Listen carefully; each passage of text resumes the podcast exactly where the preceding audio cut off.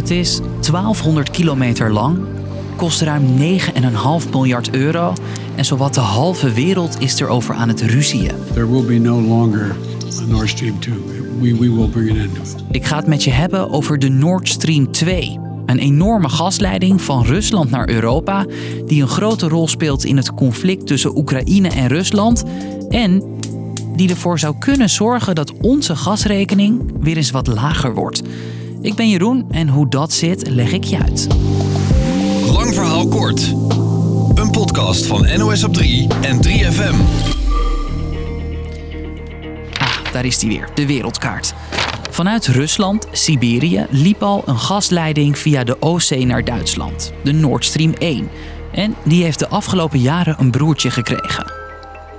Of eigenlijk twee, want de Nord Stream 2 bestaat uit twee leidingen die vrijwel parallel lopen aan die bestaande. Nord Stream 2 is one of the world's biggest infrastructure projects. Het is een megaproject waar al jaren aan is gebouwd. The pipeline will bring Russian natural gas through the Baltic Sea straight into the European energy grid. In totaal kunnen de Russen met die leidingen 55 miljard kubieke meter gas per jaar leveren.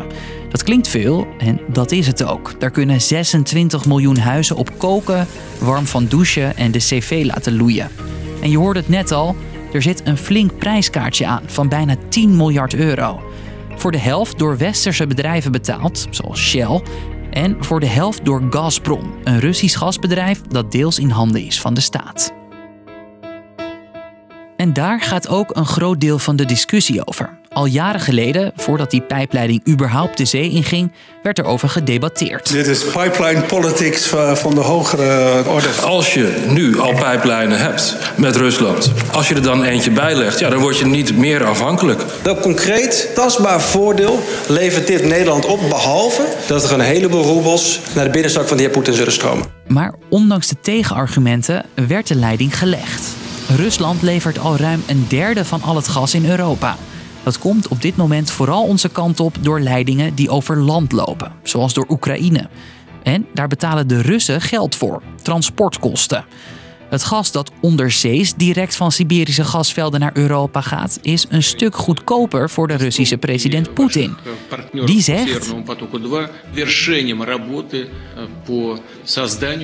De Nord Stream 2 is klaar voor gebruik. Het is nu aan Europa. Volgens Poetin zou de gasprijs dan gelijk kelderen. Dat klinkt fijn.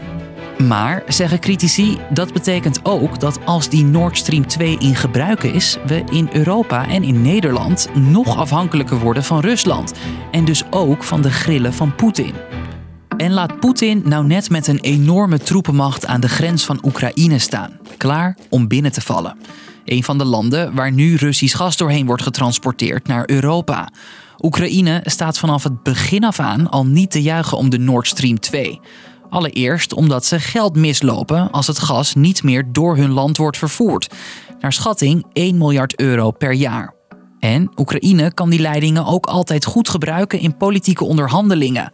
Wij zijn een belangrijke speler op de gasmarkt, dus laat ons niet vallen. Komt nu ook wel van pas, nu de spanning met Rusland en het Westen om te snijden is. Poetin ziet dat ook, vertelt correspondent Iris de Graaf in Moskou. Hij heeft al gezegd bijvoorbeeld dat als het Westen die keiharde sancties op gaat leggen, als Rusland dus Oekraïne opnieuw zal binnenvallen, dat hij dan elk moment de gaskraan kan dichtdraaien als hij dat zou willen. En dan maakt het dus niet eens zoveel uit via welke pijpleiding, want Poetin draait aan de hoofdkraan, om het zo maar te zeggen. En hij wil heel erg laten zien dat hij de controle heeft over het gas. Het gebruik van die Nord Stream 2 wordt steeds uitgesteld door Duitsland, waar de pijpleiding eindigt vanwege allerlei papierwerk. Het komt nu wel goed uit, want zo wordt de druk op Poetin opgevoerd. En de Amerikaanse president Biden deed er deze week nog eens een schepje bovenop. If Russia invades, that means tanks or troops crossing the border of Ukraine. Then uh, there will be no longer a Nord Stream 2. We, we will bring an end to it. Dus dan kan Poetin wel zo zelfverzekerd zeggen dat hij aan de hoofdkraan zit. Maar een beetje zenuwachtig zullen ze wel zijn in het Kremlin, denkt Iris. Als die Nord Stream 2-pijplijn niet in gebruik zal worden genomen, dan zal dat ongetwijfeld pijn doen in Rusland. Want Europa is een grote afzetmarkt. En Rusland investeert wel veel in gaslevering aan andere landen, bijvoorbeeld aan China. Maar de realiteit is dat China nog lang niet die hele Europese markt kan gaan vervangen. En dus is het Kremlin ongetwijfeld wel een beetje zenuwachtig over die dreiging om Nord Stream 2 niet te gaan gebruiken. Alleen zullen ze dat nooit toegeven. Want Poetin houdt vol dat Europa Rusland harder nodig heeft dan hij Europa wat betreft gas. Dus, een lang verhaal kort. De Nord Stream 2 is een gasleiding direct van de Siberische gasvelden naar Noord-Duitsland. En daar is al jaren discussie over. Want die shortcut door de zee naar het Europese vasteland geeft de Russische president veel voordelen. Het is goedkoper en hij vergroot zijn macht. En nu de ogen van alle wereldleiders gericht zijn op wat Poetin van plan is in Oekraïne, wordt de pijpleiding ook gebruikt om de druk op te voeren. Want gaat hij met de tanks de Oekraïnse grens over, dan stroomt er voorlopig niks door die peperdure pijpleiding. Dat was hem voor vandaag. Morgen rond 5 uur weer 5 nieuwe minuten in je favoriete podcast-app.